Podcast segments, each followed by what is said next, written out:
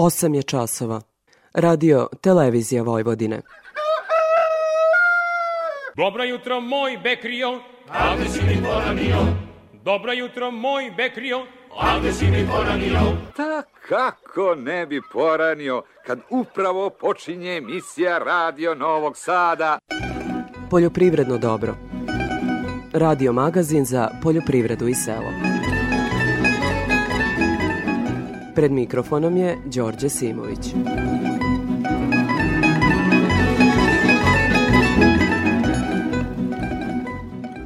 Poštovani slušalci, dobro jutro.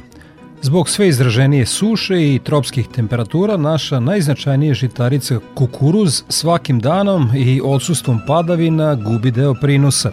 Koliko je kukuruz u teškom stanju potvrđuje jedan od naših najznačajnijih stručnjaka za ovu kulturu, Goran Bekavac sa Instituta za ratarstvo i povrtarstvo.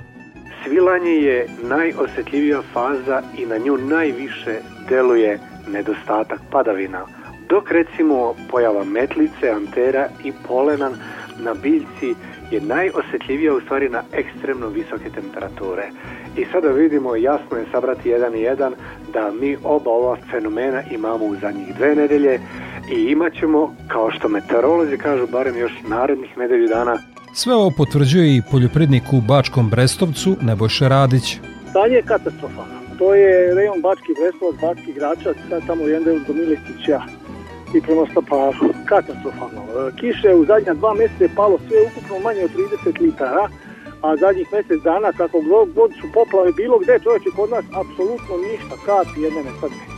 Ovo, ovo, ja nikad ne pamtim do sada da je ovako nešto bilo, da je ovako nizak kukuruz ostao, a ako ne dobijemo kišu uskoro, apsolutno neće biti nikakvog roga. Iako je kukuruz toploljubiva biljka, on je i ozbiljan potrošač vode. Na bazi višegodišnjih istraživanja Bekavac podsjeća na to da mu je u uslovima Vojvodine u junu potrebno oko 90 litara padavina, a u julu čak 130. Znajući koliko je malo kiše palo u ova dva meseca, sada je već izvesno da nas na jesen očekuje ispod prosečan rod, a negde definitivno roda neće ni biti. Vlada Srbije ukinula je zabranu izvoza pšenice i kukuruza. Slobodan izvoz će biti na snazi do početka jeseni. Takođe, na sednici vlade odobren je izvoz 4000 tona rafinisanog suncukretovog ulja u rinfuzi.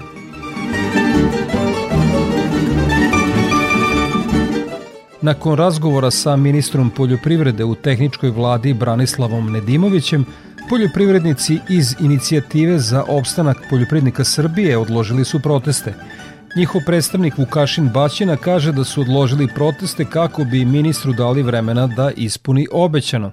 Nismo zadovoljni zato što je to sve još na bazi obećanja. Sačekat ćemo tih sedam dana, znači neće biti protest 21.7. jer je ministar, da kažemo, pružio ruku za, za razgovore, ali posle sedam dana, ako se ne ispuni ništa od obećanja, mi ponovo dolazimo ovde i zakazujemo protestne vožnje i to je to.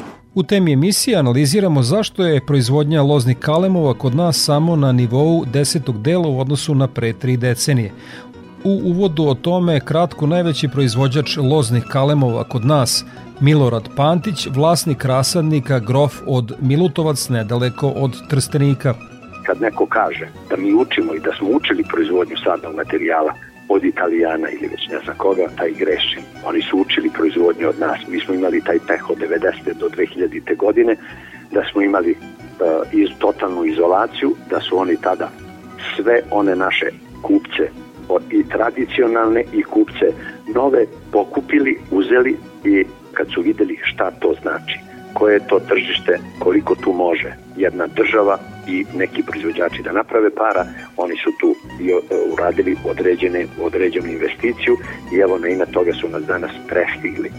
I za kraj uvoda vez da su Rusija i Ukrajina potpisala u petak odvojene sporazume s Turskom i Ujedinjenim nacijama kojima se otvara put za izvoz pšenice Crnim morem – Uz to treba reći da je Američka komisija za međunarodnu trgovinu ukinula velike antidumping carine na uvoz azotnih đubriva iz Rusije. Sjedinjene države su prošle godine uvezle iz Rusije azotna đubriva u vrednosti od četvrt milijarde dolara. Vaše sugestije su svakako dobrodošle, pa vas pozivam da nam pišete na e-mail adresu dobro.rtv.rs ili da nam svoje komentare ostavite na društvenoj mreži Facebook u grupi Poljoprivredno dobro. Toliko u uvodu slušamo Zvonka Bogdana i pesmu Ta tvoja suknja mala. Ta tvoja suknja plava zbog njeme boli glava svaki dan. Te tvoje plave oči ne daju sna u noći nikako I zato stalno lutam uteku tražeći uporno Zbog tvoje suknje plave srce je moje stalno sumorno I zato stalno lutam uteku tražeći uporno Zbog tvoje suknje plave srce je moje stalno sumorno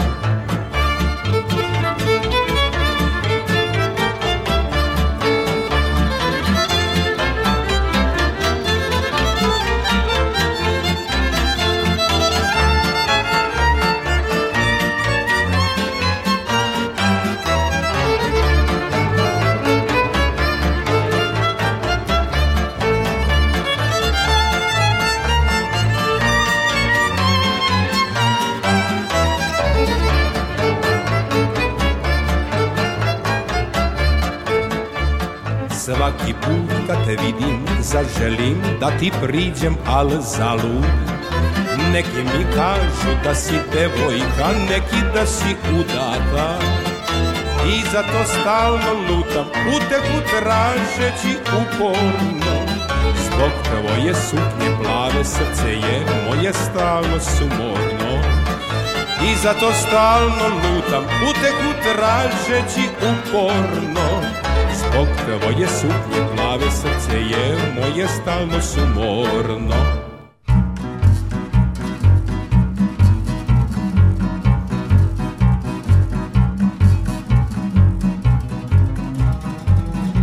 U nastavku Poljoprednog dobra sledi detaljnija agroprognoza Srđana Milakara iz Hidrometeorološkog zavoda Srbije. Toplo i suvo vreme obeležilo je proteklih sedam dana. Jutarnje minimalne temperature bile su uglavnom oko proseka, dok su maksimalne dnevne bile najčešće između 29 i 38 stepeni. Krajem protekle i početkom ove sedmice registrovane su slabe padavine uglavnom u severnim delovima zemlje. Kukuruzu, suncokretu, soji šećernoj repi ovakvi agrometeorološki uslovi ne prijeju, tako da znatni porast temperature vazduha i nedostatak padavina i vlagi u zemljištu otežavaju njihovo i onako prilično nepovoljno stanje. Ukoliko se i u narednom periodu nastaje ovakav trend vremenskih uslova, izvesno je da će se značajno odraziti na slabiji kvalitet ploda i konačan prinos. Na nešto kvalitetnijim tipovima zemljišta kao i na parcelama gde je primenjivana puna agrotehnika i gde je u prethodnim sedmicama bilo padavina, usevi su u nešto boljem stanju i lakše podnose sušu i visoke temperature toplo i suvo vreme uslovljava nizak rizik od prouzrokovača bolesti, dok je pri ovakvim vremenskim uslovima povećana brojnost i aktivnost insekata. Što se prognoze tiče u većini dana, prevlađivaće sunčano i veoma toplo vreme. Samo se u nedelju i sredinom naredne sedmice uz promenljivu oblačnost očekuje pojava lokalnih e, pljuskova i kratkotrajne kiše. Najtopli dan biće subota, a od nedelje se očekuje manji pad temperature. Za Radio Novi Sad, Srđan Milakara, Hidrometeorološki zavod Srbije. Poljoprivredno, Poljoprivredno dobro. Radio, Radio Novi Sad.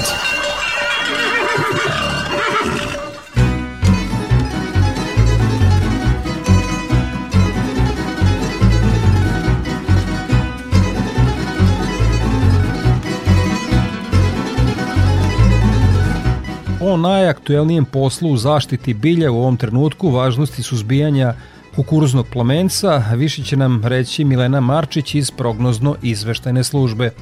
Trenutno je u zaštiti bilja najaktuelnija zaštita useva kukuruza od kukuruznog plamenca. Iako smo u potpunosti svesni teške situacije na parcelama pod kukuruzom i da je već sasvim izvesno da će prinosi biti umanjeni, Kukuruz je naša strateška kultura i vrlo je važno da učinimo sve što je u našoj moći da se obezbedi zdravo zrno.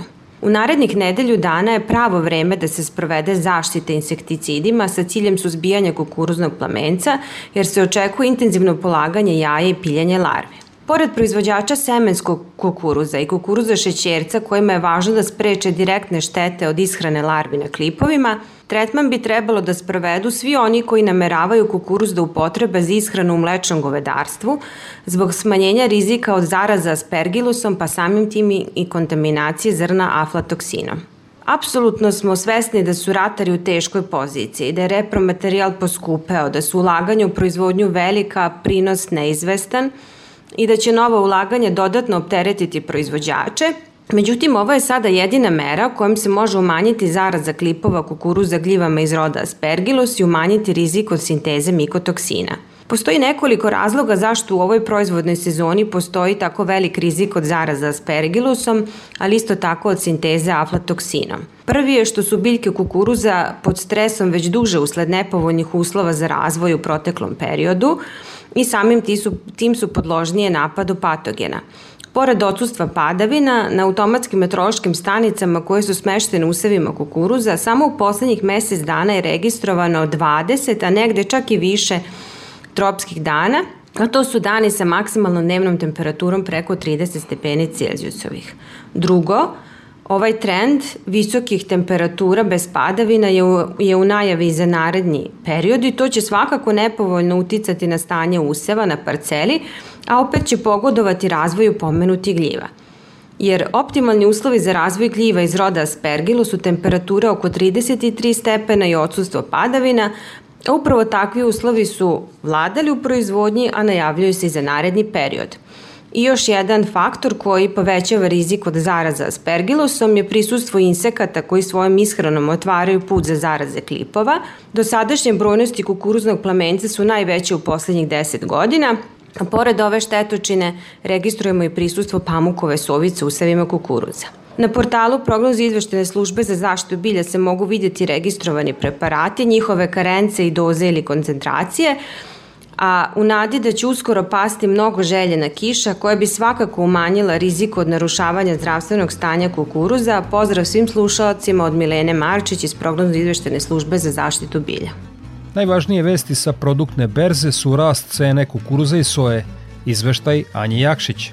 Ove nedelje nastavljeno je pojačano interesovanje za kupovinom kukuruza. Strukturu kupaca činili su krajnji potrošači i izvoznici. Berzanski ugovori na paritetu FCA zaključeni su u cenovnom rasponu od 32 dinara do 33 dinara 50 para po kilogramu bez PDV-a. Vest o ukidanju izvoznih kvota uticala je na povećanje aktivnosti na tržištu pšenice. I dalje su učesnici skoncentrisani na otkup pšenice od strane Republičke direkcije za robne rezerve, a do sada je ponuđeno 108.000 tona. Na berzanskom tržištu, kako je nedelja odmicala, tražnja je rasla. Ugovori su zaključivani u cenovnom rasponu od 34 dinara 50 para do 37 dinara po kilogramu bez PDV-a u zavisnosti od parametara kvaliteta.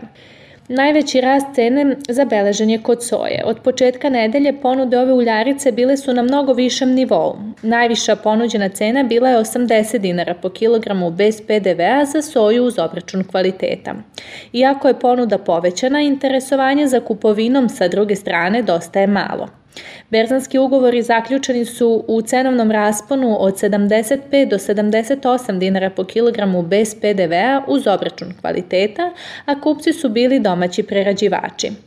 U odnosu na prethodnu nedelju, kada je cena ječma beležila negativno kretanje, ove nedelje ova žitarica beleži pozitivan cenovni trend.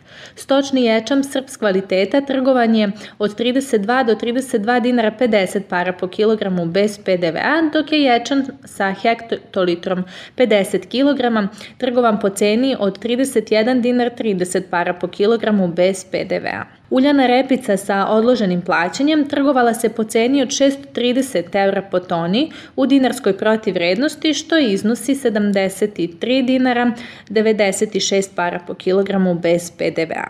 Mineralno đubrivo NPK, pakovanje 600 kroz 1, prometovano je po ceni od 108 dinara 59 para po kilogramu, odnosno 925 eura po toni. Sa produktne berze Anja Jakšić. Nakon izveštaja sa produktne berze, Gordana Jeličić iz Infotim Logistike obavestit će nas o trendovima na tržištu stoke. Sve cene su bez uračunatog poreza na dodatu vrednost. U toku ove nedelje naši saradnici su tovne svinje sa farme oglašavali po ceni od 250 do 260 dinara po kilogramu, tovljanike sa mini farme po ceni od 250 do 255 dinara po kilogramu, a tovljanike iz otkupa po ceni od 240 do 250 dinara po kilogramu. Pregovori koji su napravljeni za iduću nedelju su na nivou cena do 260 dinara po kilogramu za farmsku robu. Ponuda jagnjadi oglašena je po ceni od 370 do 375 dinara po kilogramu, ovce za klanje su nuđene po ceni od 150 do 160 dinara po kilogramu. Povremeno se javi interesovanje za jagnjadima, ali kupci su spremni da plate niže nivoje cena od oglašenih. U toku nedelje prasaca farme su se oglašavale po ceni od 320 do 330 dinara po kilogramu, prasaca mini farme po ceni od 300 do 324 dinara po kilogramu, a prasad iz otkupa po ceni od 277 do 280 dinara po kilogramu. I dalje je slabo interesovanje oko nabavke prasadi za dalji tov. Ponude bikova Holstein oglašena je po ceni od 295 do 330 dinara po kilogramu, a bikova simentalaca po ceni od 345 do 350 dinara po kilogramu. Po rečima naših saradnika, interesovanje za bikovima slabo da postoji. Cene su izražene bez PDV-a. Za Radio Novi Sad, Gordana Jeličić iz Infotim Logistike.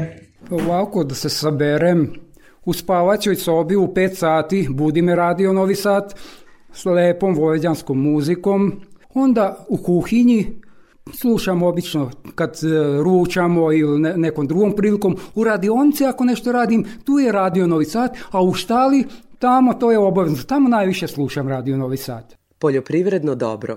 Radio Novi Sad. Ja stanicu ne menjam.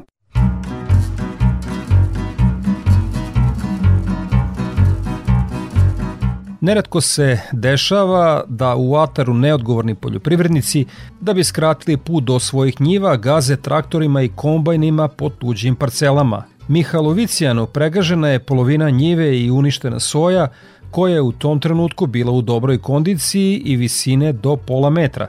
Zdenka Kožik, Mihal Vicijan iz Stare Pazove je bio veoma neprijetno iznenađen kada je došavši na njivu zatekao polovinu useva uništeno jer tačno kroz sredinu parcele na kojoj je posejana soja napravljen je poljski put.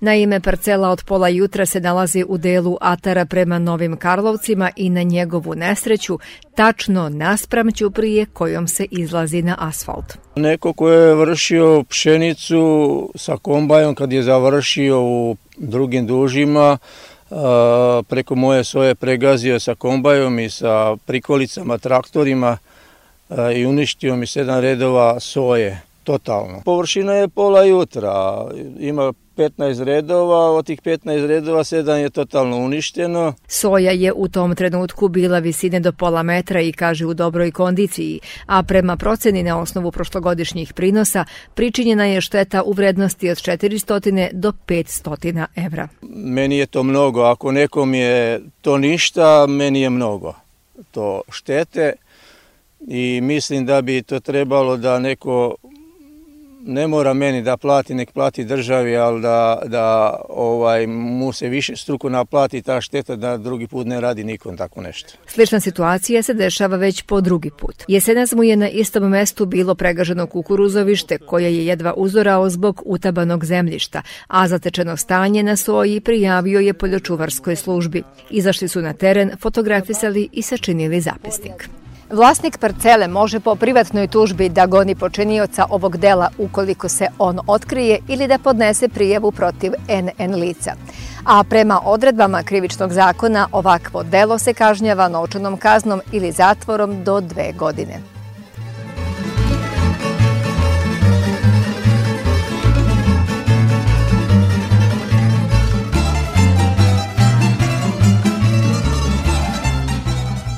Ekstremno visoke temperature nisu sprečile više stotina poljoprivrednika da juče prisustvuju jednoj od najznačajnijih agrarnih manifestacija kod nas, sajmu poljoprivrede, industrije i trgovine u Kaću. Već 17 godina klub Stope Plus koji okuplja najveća porodična gazdinstva u Vojvodini organizuje spit koji je nakon poljoprivrednog sajma najznačajniji skup. kvalitet više u tome što poljoprivrednici najsavremeniju mehanizaciju na njivama pored kaća mogu da vide u radu. Spit ne propušta ni lokalni poljoprivrednik Miloje Stein. Šteta ne doći ovde ne vidite to, dođu ljudi iz Banata, iz Kikinde i mi da ovde, mislim, lepo je to vidite na jednom mestu. To je mini sajam, još se vide mašine u radu i tako. Mislim, toga nikad nije dosta videti, mehanizacija danas ide napred i uvozi se s polja nešto novije, novije i tako uvijek treba vidjeti nešto. Tako da sam zadovoljan jako. Među 30 izlagača mehanizaciju izložila i kompanija Kite.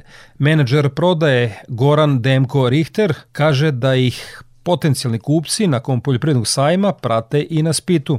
Dosta ljudi se interesuje oko novog kruga IPARDA za kupovinu traktora je veoma popularna ovaj, e, subvencija trenutno kod nas. Sve ova dešavanja trenutno ovaj, utiču na to da su i isporuke mašina malo otežane, međutim zbog dobrog planiranja u našoj kompaniji konstantno se mašine isporučuje, znači ne postoji šansa da nekih modela traktora ili kombajna ne bude na stanju ili ne bude u kratkom roku na stanju.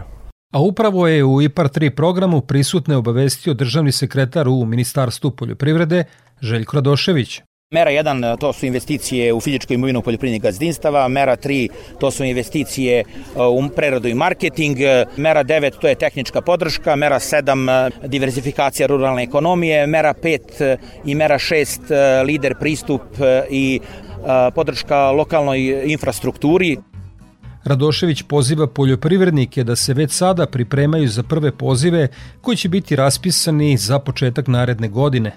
Opredeljen je znatno veći novac nego u ranijim pozivima, pa će za tu namenu Evropska unija obezbediti 288 miliona, a Srbija 89 miliona evra. Slušamo Baneta Krstića i pesmu Čiribu Čiriba, pa u temi emisije govorimo o proizvodnji loznog sadnog materijala kod nas. Šaran štuka, linjak som, bit će čorba kao grom, džaba kad me ne voliš. Suknja štikla, glatko, slatko, to si ti, opisan kratko što na mene ne misliš.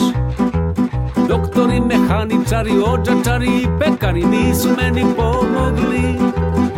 I jedino bi možda mogo da te vrati ove noći ovaj šešir čarobni.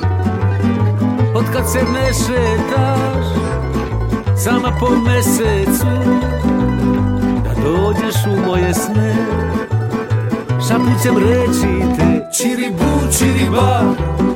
Uzalud pokušavam Da tebe ja dozovem Da se vratiš noći ove Da budeš samo moja sva. Čiribu, čiriba. Uzalud pokušavam Da tebe ja dozovem, da se vratiš noći ove Da budeš samo moja sva Pomadu na lice, belo cvetu, rever i odelo Džaba kad me ne voliš. Ajde reci sad pred svima, ajde sad pred svima Reci što na mene ne misliš. Doktori, mehaničari, ođačari i pekari Nisu meni pomogli. I jedino bi možda mogo da te vrati ove noći ovaj šešir čarobni.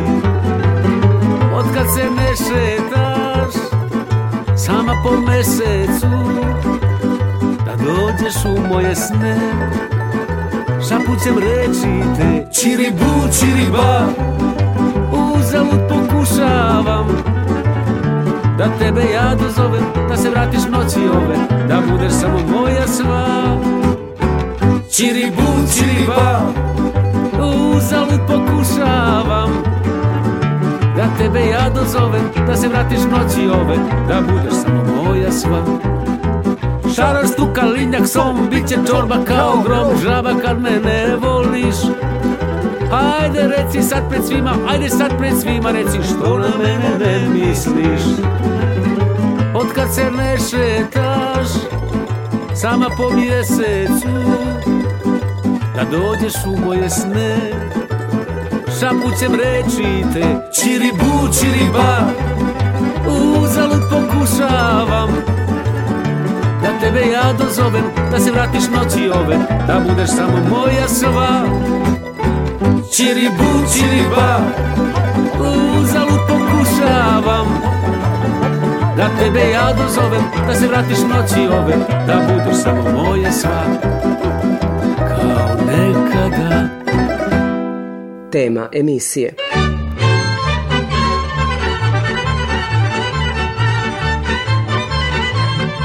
U poslednje dve decenije naš vinogradarsko-vinarski sektor gotovo da beleži samo uspehe. Mnogo novca je uloženo i to je dalo rezultate. Proizvodimo sve kvalitetnija vina, a međunarodna ocenjivanja to i potvrđuju. Nažalost, Pored kvaliteta, činjenica je da nemamo dovoljno vinograda. Na početku drugog svetskog rata u Srbiji je pod vinogradima bilo 139.000 hektara, početkom 90. 69.000 hektara, a danas u vinogradarsko-vinarskom atlastu stoji da imamo 21.000 hektara, dok u vinskom registru imamo ukupno zabeleženo samo 7.000 hektara. Bilo kako bilo, uglavnom nedovoljno. U 100 do 90. smo proizvodili nekoliko desetina miliona loznih kalemova, a sada tek možda petinu od te količine. O tome za Radio Novi Sad govori Milorad Pantić, vlasnik rasadnika Grof od Milutovac nedaleko od Trstenika. Upoređuje uslove u kojima proizvode rasadničari u Srbiji i Italiji, što daje i odgovor zašto se smanjila proizvodnja kalemova vinove loze kod nas. Jedan proizvođač u Srbiji ima ogromnih, stravično velikih izdataka. Zašto to kažem? To kažem iz jednog razloga. Italijan, Francuz, Nemac, on to, e, proizvođač tamo kod njih, on to može da proprati. Jer on ima i određenih subvencija, određenih nepovratnih sredstava da bi sve to mogao da proizvede, da bi to sve mogao da unapredi, da bi sve to mogao da prati. I prilikom proizvodnje i prilikom samog izvoza za razliku od proizvođača u Srbiji. Proizvođač u Srbiji, primjera radi, ja, koji sam jedan od vodećih proizvođača u Srbiji, imam pravo na neki 700.000 dinara tokom jedne vegetativne godine ne pravo nepovratnih sredstava. Obzirom da se radi o proizvodnji preko 3 miliona jedinica tokom jedne vegetativne godine, ako to podelite sa tih 700.000 dinara, onda vam verovatno jasno kolika je to subvencija i da li uopšte vredna i da li je treba uopšte spominjati. Sam podatak da bi jedan proizvođač ovog kalibra mogao svoju proizvodnju da tokom vegetativne godine održi samo zdravstvene kontrole, vegetativne kontrole, prijave proizvodnje, zaštitne etikete, sertifikati koštaju preko 6 miliona dinara. To može svakog dana da se proveri, svakog dana da se uđe u taj podatak analize zemljišta i sve ostalo gde se obavlja proizvodnja. E sad, a vi dobijate 700.000 dinara, onda znam samo taj podatak, a sve ostalo da stavimo po strani. Primera radi Makedonija. Zašto imamo danas priču, sad ja odlazim u drugu stranu, zašto danas imamo stri, priču da masa proizvođača koji su registrovani i legitimni u Srbiji prebacuju svoju proizvodnju u Makedoniju. Samo iz jednog razloga, zato što tamo prilikom izvoza sadnog materijala on dobija određenu subvenciju za izvoz tog sadnog materijala. Pričam direktno o proizvođaču. I za razliku od nas koji nemamo od svega toga ništa. E sad, mi smo u nekom vremenu bili lider u proizvodnji sadnog materijala na tlu Evrope, Danas smo jedan, možda, možda čak od vodećih uvoznika sadnog materijala. Ponovo ponavljam iz kog razloga, jer ovakvim načinom nismo u mogućnosti da to sve ispratimo, propratimo i da vidimo gde je svet kojim, u kom je, na kom je, u kom je smeru, na kom pravcu i tako dalje i tako dalje. A odmah da budemo načisto, samim tim ne trpe samo proizvođači sadnog materijala, nego mnogo trpe i sami kupci tog istog sadnog materijala koji podižu trajne zasade, jer on traži određeni klon, određenu sortu, ne može da je dobije, pa onda na kraju krajeva opet kaže, pa ajde, taj bolje ću pod nas da kupim neki treći, četvrti, osmi klon ili neku treću vrstu, treću sortu i podići ću to. Šta to znači? To znači da svi u lancu gube. Na kraju krajeva gubi i država, jer ne može proizvođač to da proprati i ne može da bude konkurentan na tlu ne samo Evrope, nego na tlu čitavog sveta koji nas po tom osnovu sve više grabi. A inače daću ja vama samo jedan podatak vama i vašim slušalcima kad neko kaže da mi učimo i da smo učili proizvodnju sadnog materijala od Italijana ili već ne znam koga, taj greši. Oni su učili proizvodnju od nas. Mi smo imali taj peh od 90. do 2000. godine da smo imali uh, iz totalnu izolaciju, da su oni tada sve one naše kupce i tradicionalne i kupce nove pokupili, uzeli i kad su videli šta to znači. Koje je to tržište, koliko tu može jedna država i neki proizvođači da naprave para, oni su tu i uradili određene, određenu investiciju i evo na ime toga su nas danas prestigli i na ime toga su danas na svetskom tržištu traženi njihovi instituti, njihove institucija. Mi smo do 90. godine imali jednu od vodećih banki gena na Radmilovcu, na poljoprivrednom ogledno-školskom dobru fakulteta u Zemunu. Danas imamo to gore isto i u Novom Sadu, poljoprivredni fakultet, ali to što smo imali do 90. godina na poljoprivrednom fakultetu ogledno-školsko dobro Radmirovac na Radmirovcu, to je bilo za svaku pohvalu, jer daću vam samo podatak, mi ni dan danas, mi ni dan danas nismo uradili nove sorte koje su priznate koje su priznate, nemamo ih bukvalno rečeno na sortnoj listi Beogradska rana, Beogradska besemena, Demir Kapija, Gročanka i tako dalje, koje su uh, tražene u čitavom svetu, u čitavoj Evropi, a urađene su na Radmirovcu. A da ne pričam o novo nastalim sortama koliko ih gore ima, da ne pričam o tome da evo, gubimo pravo čak i na proizvodnju prokupca, odnosno naših nekih autoktonih selekcija, autoktonih sorata, samo iz jednog razloga, zato što nismo našli za shodno, zato što nijedan institut u Srbiji nije našao za shodno da to isto proizvede u kvalitetu sertifikovanog bezvirusnog sadnog materijala, da ga stavi na sortnu listu Srbije i ne samo na sortnu listu Srbije, nego na svetsku sortnu listu, da možemo sutra da jednostavno pariramo i da izađemo sa svim tim. Čak javlja se jedan novi trenutak, najverovatnije da Prokupac i Italijani će početi da nam prodaju našu autoktonu selekciju u sertifikovanoj, odnosno baznoj kategoriji. I pored svega, Pantić sa svojim timom uspeva da godišnje proizvede do 3 miliona loznih kalemova koje uglavnom izvozi. Kupci su u Rusiji, Kazahstanu, Kirgistanu, Uzbekistanu, Bugarskoj i Rumuniji, izvozi dosta u okruženja u poslednje vreme u Alžir i Maroko. Ukupno više od 30 država. Pri podizanju vinograda investitori uglavnom vode računa o sorti vinove loze, a gotovo zanemarljivo razmišljaju o podlozi. Izbor lozne podloge ima veliki značaj za rezultate koje će dati vinograd, kvalitet grožđa, zatim i kvalitet i tipičnost vina. Međutim, pri izboru lozne podloge bitan je i finansijski aspekt s obzirom na to da se jednom napravljena greška u smislu pogrešnog izbora sorte pri sadnji vinograda ne može skoro nikako ispraviti. Pored velike raznovrsnosti teroara naših vinogradarskih područja koje čini 101 rejonirano vinogradarsko područje i prisustva 200 sorte vinove loze u komercijalnim zasadima, samo dve podloge, Kober 5BB i SO4 učestvuju u čak 91% površina naših vinograda. Takvi podaci činjenica da ne postoji univerzalna podloga koja je dobra za svako vinogradarsko područje ili mikropodručje, konkretne ekološke uslove, odnosno abiotičke faktore teroara i prelagađena svakoj sorti, uzgojnom obliku i drugim faktorima teroara, ukazuje na potrebu stalnog naučnog istraživanja podloga vinove loze. Projekat utvrđivanje kvaliteta zemljišta Rasinskog okruga kao osnove za izbor odgovarajućih loznih podloga za podizanje vinograda namenjenih proizvodnje i vinskog grožđa Ministarstva poljoprivrede upravo predstavlja početak aktivnije primene naučnih dostignuća u oblasti istraživanja loznih podloga. U projektu su učestvovali Centar za vinogradarstvo i vinarstvo i Laboratorija za zemljište i agroekologiju Instituta za ratarstvo i povrtarstvo. U projektu je ispred Centra za vinogradarstvo i vinarstvo za Radio Novi Sad govorio Darko Jakšić.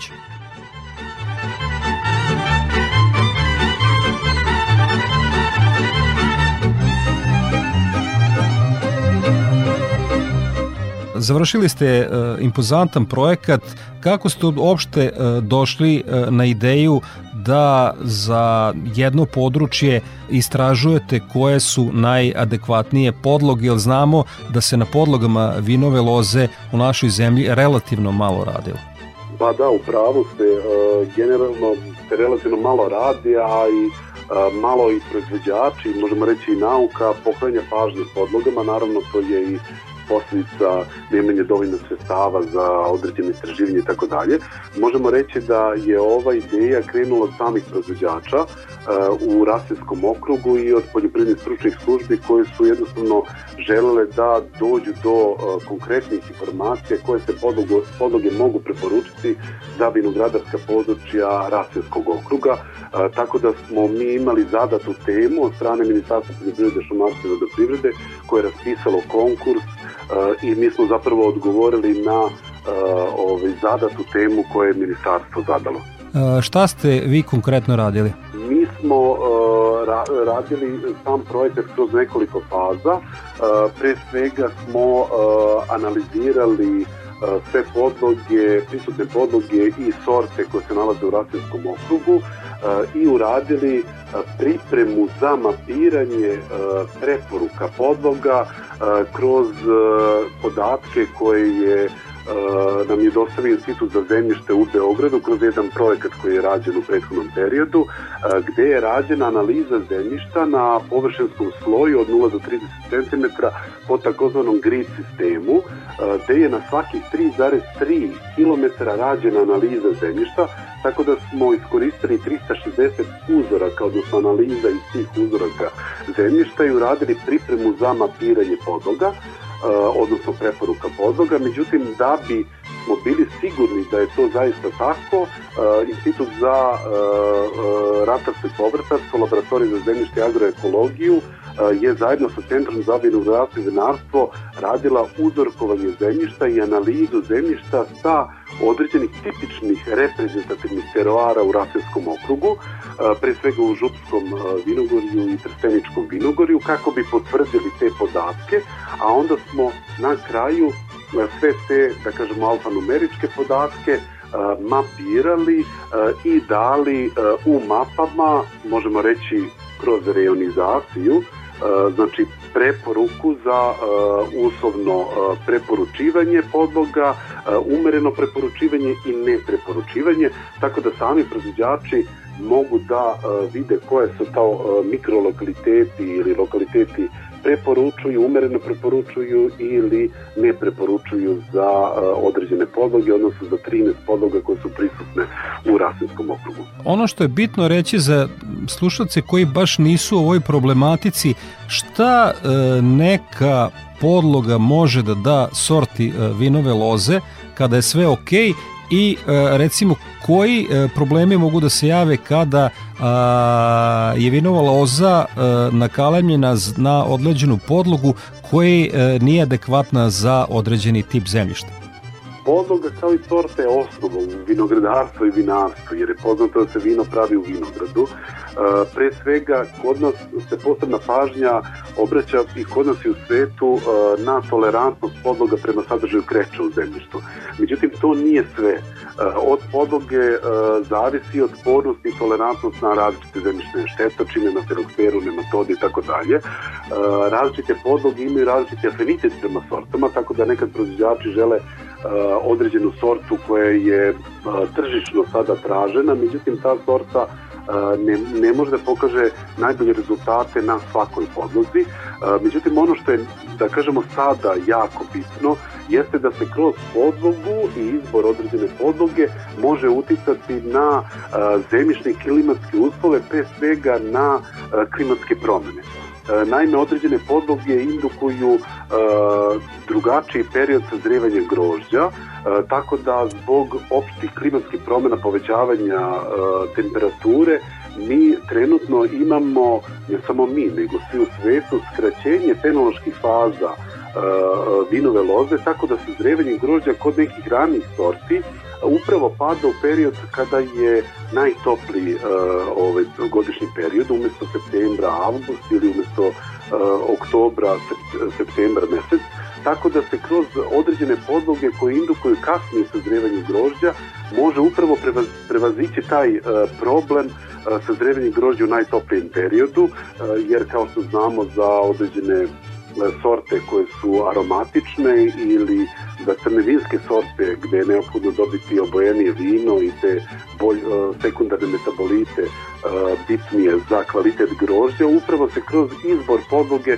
može uticati i na bolji kvalitet grožđa, samim tim i vina i e, ovo je izuzetan projekat e, pre svega za sektor vinogradarstva i tako da kažem pioniriste u, u, u ovoj oblasti da li i određeni e, drugi e, regioni naročito Fruška Gora mogu nečem sličnom da se nadaju Pa kao što sam rekao, ovaj projekat je bio zadat za Rasinski okrug. E, ono što je pozitivno jeste da postoji razumevanje, a i sama inicijativa od proizvođača institucija da se ovako nešto uradi za čitavu Srbiju, pre svega makar za one rejone gde je vinogradarstvo vinarstvo najintenzivnije kao što je Sremski rejon uh, Fruškogorsko vinogorje, uh, gde se najviše podiže vinograda u Srbiji poslednjih godina, tako da je svakako i neophodno i poželjno ovako nešto uraditi i na druga vinogradska područja. Mi se nadamo da, da je ovo samo jedan pilot projekat i da ćemo nastaviti uh,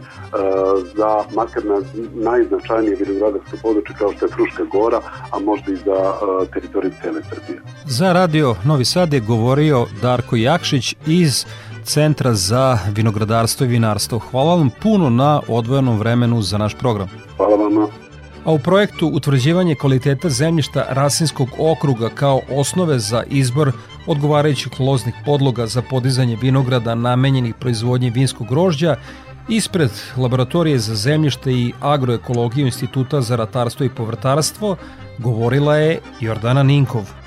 Manje je poznato da je Institut za ratarstvo i povrtarstvo ceo svoj razvoj i zasnovao na proučavanju zemljišta, već pri samom svom osnivanju uh, ovde se razvijala intenzivna nauka o zemljištu. Kasnije je institut krenuo logičnim sledom, uh, proučavao je malo agrotehniku i na kraju se zaustavio na proizvodnji semena, što je i vrhunac u istraživanju i primjeni istraživanja u poljoprivredi. Uh, naša laboratorija Laboratorija za zemljište i agroekologiju kao radna jedinica instituta ima već bogato iskustvo poručavanja zemljišta pod vinogradima. Zemljište u celom ovom procesu vinogradarstva i vinarstva je jako važno jer se od toga zapravo i počinje. E, takođe je ovo važno pri zaštiti geografskog porekla vina, zato što je zemljište jedna neraskidiva e, komponenta celog teroara i na zemljište mi možemo uticati mnogo više nego na druge faktore teroara, recimo na klimu. E, zato je kod zaštite geografskog porekla veoma važno uraditi detaljnu karakterizaciju zemljišta. Mi smo imali niz takvih projekata u Republici Srbiji, čak smo učestvovali u rejonizaciji Crne Gore e, kao međunarodni projekat, a što se tiče istraživanja u Republici Srbiji, tu se započelo prvo od same rejonizacije, e, rađena su istraživanja u Vojvodini, a zatim su rađena istraživanja po rejonima kako je koje dru, ovaj, udruženje proizvođača bilo spremno da uđe u sistem e, zaštite geografske oznake porekla vina.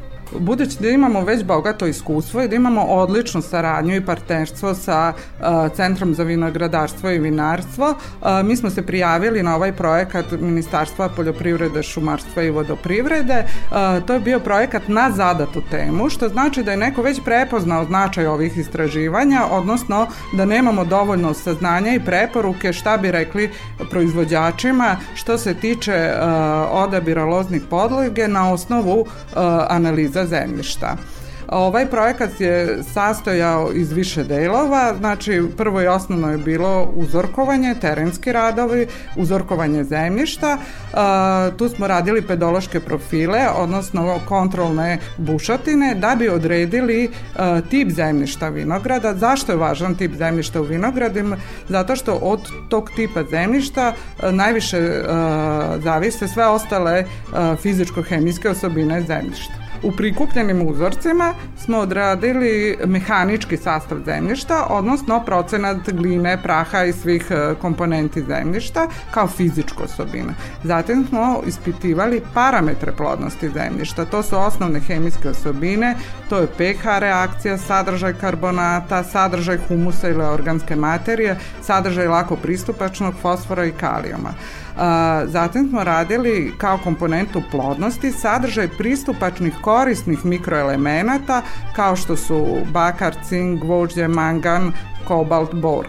Uh, oni su potrebni vinovoj lozi u vrlo malim količinama, ali njihov nedostatak može izazvati probleme kasnije u gajenju. Uh, da bi neko zemljište označili kao plodno, moramo biti sigurni i da nema opasnih i štetnih materija i u tom cilju smo uradili sadržaj teških metala ili kako se danas nazivaju potencijalno toksičnih elemenata. Na osnovu svih ovih analiza e, rađena je obrada podataka, oni su mapirani, o tome je više govorio kolega dr. Darko Jakšić, a e, što se tiče same plodnosti, svi učesnici u projektu su dobili svoj jedinstveni izveštaj u ispitivanju i preporuke za đubrenje, dok je u same rezultate projekte ušlo generalni zaključak Ovaj, na osnovu tih generalnih zaključa možemo zaključiti da čovek jako utiče na plodnost zemljišta. Jak, interesantno je da ni jedna ispitivana parcela nije imala optimalni sadržaj uh, fosfora, kalijuma i mikronutrijenata. Ne, uvek su bili ili ispod ili iznad, a na to zaista možemo da utičemo racionalnom primenom đubriva i uh, veoma je važno da za svaku konkretnu parcelu pri podizanju vinograda posebno uh, je važno ispitati prethodno zemljište, jer načinjene greške u početku se kasnije teško ispravljaju ili ih je gotovo nemoguće ispraviti. Prema literaturnim navodima, a i prema našim istraživanjima, najvažnija karakteristika zemljišta pri izboru loznih podloga jeste e, pH reakcija zemljišta i sadržaj slobodnih kalcijum karbonata. U istraživanom području mi smo našli ekstremno kisela zemljišta, ali izvesan procenat zemljišta je i bazan sa visokim sadržajem kalcijum karbonata. Pošto su ova istraživanja vršena na proizvodnim parcelama koje su već zasnovane, neke podloge su na granici tolerancije ovog visokog sadržaja kalcijuma karbonata, što sve e, ukazuje na značaj istraživanja, odnosno analize zemljište pre zasnivanja vinograda. Ovaj projekat je na neki način pionirski, jer se do sada redko koji, možemo reći, ovaj, vrlo malo broj naučnika bavio uh, karakterizacijom zemljišta za izbor loznih podloga. Bilo bi veoma značajno da se ova istraživanja prošire i na druge delove Republike Srbije, a posebno tamo gde je centar vinogradarskih i uh, područja. I Milorad Pantić, vlasnik rasadnika Grof of Milutovac, koji proizvodi najviše loznih kalemova u Srbiji, naglašava opravdanost projekta o kom smo govorili – Po meni je pre svega drago da, da, da su ljudi koji rade na tom projektu održali taj sastanak na području opštine Trstenik, odnosno na području Rasinskog okruga, jer vama čisto i vašim slušalcima za informaciju samo da znate da je Trstenik, opština Trstenik, obzirom na broj stanovnika, na broj, e, na, na, na površinu na kojoj se nalazi e, bukvalno rečeno vodeća u Srbiji sa proizvodnjom vinograda i sa površinama. Zašto je to baš tu rađeno? Ja baš mislim samo iz jednog razloga, zato što su tu i proizvođači sadnog materijala, a i kao što rekao, veliki su proizvođači i, i ovaj, grožđa. Da biste danas dobili jedan kvalitetan zasad, kvalitetno grožđe, kvalitetno vino, počinje gde? Počinje sve to od sadnog materijala. Ako sve to imate u kvalitetu, normalno, sa željenom sortom, željenim klonom, onda u stvari imate sve ono to će sutra da vas dovede da budete jedan od vodećih proizvođača vina i da možete na svetskoj e, sceni da, da dominirate. Vama samo za informaciju, do 90. godine imali proizvodnju pre, oko 50 miliona jedinica tokom jedne vegetativne godine. Možete to vrlo lako da proverite. Tada je Raušedo imao u Italiji proizvodnju između 4 i 5 miliona. I danas smo desetkovani sa tom proizvodnjom a Raušedo ima proizvodnju između 80 i 90 miliona. Šta to znači? To znači samo da su pametni ljudi osetili gde treba, šta treba, kako ubaciti, kako uložiti, u šta gurnuti sredstva i tako dalje i to uradili, podigli na neki nivo i normalno nama oduzeli određena tržišta. To što se par privrednih subjekata danas sa područja Srbije bori, traži svoje mesto na svetskoj sceni, najveći doprinos je samo tih samih ljudi koji su u proizvodnji. A dokad će oni moći tako da se bore, to je sad relativna stvar. Toliko u temi emisije u kojoj smo govorili o razlozima pada proizvodnje loznog sadnog materijala kod nas, kao i o tome koliko je važno ispitati zemljište da bi se znalo koja će podloga vinove loze na njemu dati najbolje rezultate u proizvodnji. Naravno, ako su nakalemljene na odgovarajuću sortu i klon vinove loze. Slušamo ansambl romansu i pesmu Slađe od šećera – se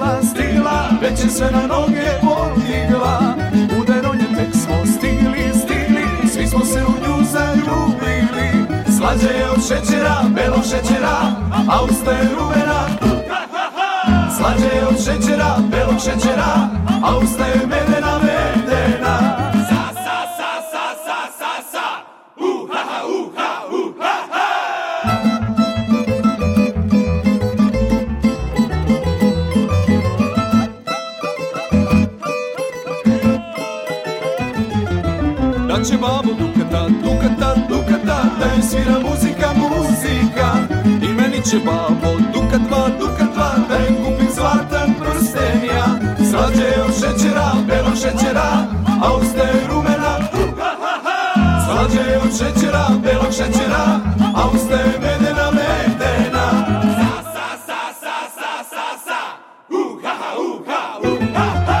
Kada igra svije, gledaju, gledaju I zajedno mećava, mećava, zbog oka garava, garava.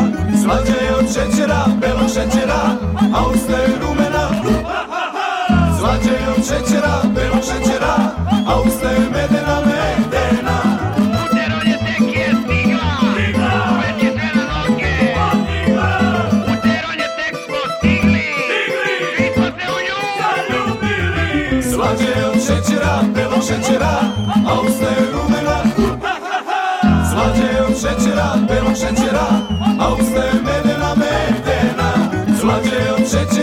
belog šećera, a usta je rumena. Slađe od šećera, belog šećera, a usta je medena, medena. Sa, sa, sa, sa, sa, sa, sa. Uha, ha, uha, uha, ha. u tremu. Nemojte, nemojte, opušta. Poljoprivredno dobro opušta a sada govorimo o ovčarstvu. O tržišnim uslovima te proizvodnje sa farmerom u Lapovu Vladimirom Pavlovićem razgovarao je Stevan Davidović. Kakve su cene na tržištu ili otvoreno tržište jer ima tražnje? Potražnje ima, ali sad što se tiče same cene, cene su šarene u celoj Srbiji. Pa tu je od 350 dinara prosječna cena. Koliko to zadovoljava s obzirom na troškove? Pa da kažem, to je neka prosječna cena, kako bi se, kako bi se, se rekla. Znala, bila je od 450, pa 400, 350, 300, kako gde, ali ajde da kažem, kupcu je uvek mnogo, nama prodavcima je uvek malo i tako da uklapamo se nekako kako, kako znamo i umemo, što se kaže. Najbitnije je da, da, da, da ima te prodaje, da kažem sad su u jeku i te, te proslave, ta veselja u, u tom letnjem periodu, tako da mogu da kažem da ima prodaja. Da je, to je, da kažem, i najbitnije u celoj toj priči. Podrška države, subvencije i ostalo? Subvencije, da, redovno su, dobijamo subvencije i ove godine je bilo na, na vreme, tako što se tiče te, te podrške od, od države ima. E, za ovčarstvo, e, koji je iznos podrške, samo da kažemo po grlu? 7000 po grlu. 7000 je po grlu. I evo, Vladimir, i toga da se dotaknemo, zaista sve veće, odnosno sve izvesnije klimatske promjene, izuzetno žarka leta. E, Wirtenberg rasa, to je zatvoreni sistem. Kako se boriti protiv vrućina u Pa, zatvorenom kod mene, prostoru? za, za, kod mene na farmi je zatvoreni sistem, znači gledam da to bude što veće provetravanje objekta, da što se tiče same higijene na prvom mestu, da to bude redovno čišćenje, da se ne, ne stvara neka zapara u, u objektu, da bude redovno i, i redovne dezinfekcije, jer odlično se zna da to u nekom letnjem periodu se dešavaju i različite infekcije, bolesti i to sve, tako da gledam da to držim u, u, nekom, u nekim ok uslovima, tipa redovno čišćenje, e, redovno menjanje vode, da ne bude zapar unutra i s obzirom da imam tu u sklopu gde, gde mi se nalaze očarnici, imam i onako neki stariji voćnjak, tu gledam da u tom nekom dnevnom periodu da miloce budu puštene, tipa u što veće hladovini da, da budu, da ne budu izložene na nekom jakom suncu i velikom suncu, da im je zapravo voda dostupna redovno, Vladimire, veliko ti hvala za ovo uključenje u Nema program Radio Novog Sada. Hvala vama na, na pozivu. Porodica Gecić iz Iđoša na doma Kikinde godinama se bavi proizvodnjom aronije. Osim sirovih bobica, od te lekovite biljke prave kompote, džemove, hladno ceđene sokove, čajeve. U najboljim godinama prinos na površini od 400 ari bio je oko 2 tone, ali ove sezone zbog prošlogodišnjeg orazivanja i suše očekuju skromni rod. Cilj im je da se posao proširi, a za to su zainteresovane mlađe generacije u porodici. Lidija Vučković. Studentkinja medicine iz Iđoša, Željka Gecić, u porodični posao proizvodnje aronije ušla je kao srednjoškolka. Od lekovite sibirske biljke koje se sve češće spominje u različitim pričama o zdravom životu, porodica Gecić dobija proizvode koje plasira na tržište širom severa Banata. Pravimo hladno ceđene sokove, e, naravno od svežih bobica, naravno i sveže sirove bobice prodajemo na tržištu, pravimo kompote, džemove i od hladnih ceđenih naravno sokova te bobice što smo cedili pravimo naravno čajeve. Proizvodnja aronije porodice Gecić zasnovana je na oko 400 ari. Početak berbe očekuje se za mesec dana, a čini se da će ova sezona biti skromnija od prethodnih, kaže Nenad Gecić. Sad će biti malo manje rode, zato što smo prošle godine smo je malo skrati smo je orezali i sad je malo, biti malo manji prinosa. Imali smo tu do, i dve tone bilo do par godina ono kad je bilo bilo odgovaralo nešto je bilo šta je vreme je bilo sad mada ova toplota suša i dobro da je zalivamo imamo kap po kap ali što kaže sad je pa bit će nadamo se negde oko tone U posao oko aronije angažovana je cela porodica. Ipak dugoročne planove pravi 22-godišnja Željka. Moje ambicije su naravno da proširimo proizvodnju, da otvorimo neku svoju tržište, svoju firmu, kako bi mogli to, jer ipak mislim da postoji mogućnost i postoji šansa da a, to ipak izvezemo na neki viši nivo. Za sada osnovno tržište porodice Gecić jesu Kikinde i okolna mesta. Željka je o umećima prodaje učila od strica, a želja joj je da svoje menadžerske sposobnosti, ljubav prema medicini i lekovitu moć Aronije spoji i od toga napravi prepoznatljivi porodični brend.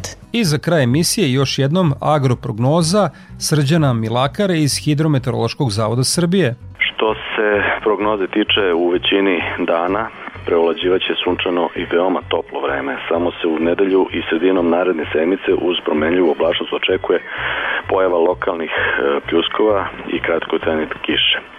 Najtopliji dan biće subota, a od nedelje se očekuje manji pad temperature.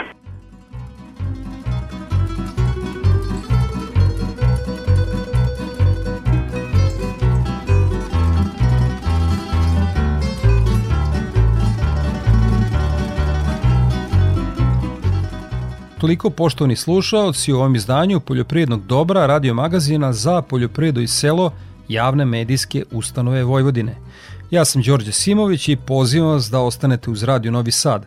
Vašoj pažnji preporučujem ekološki magazin pod staklenim zvonom koji je na programu na Konvestiju 9.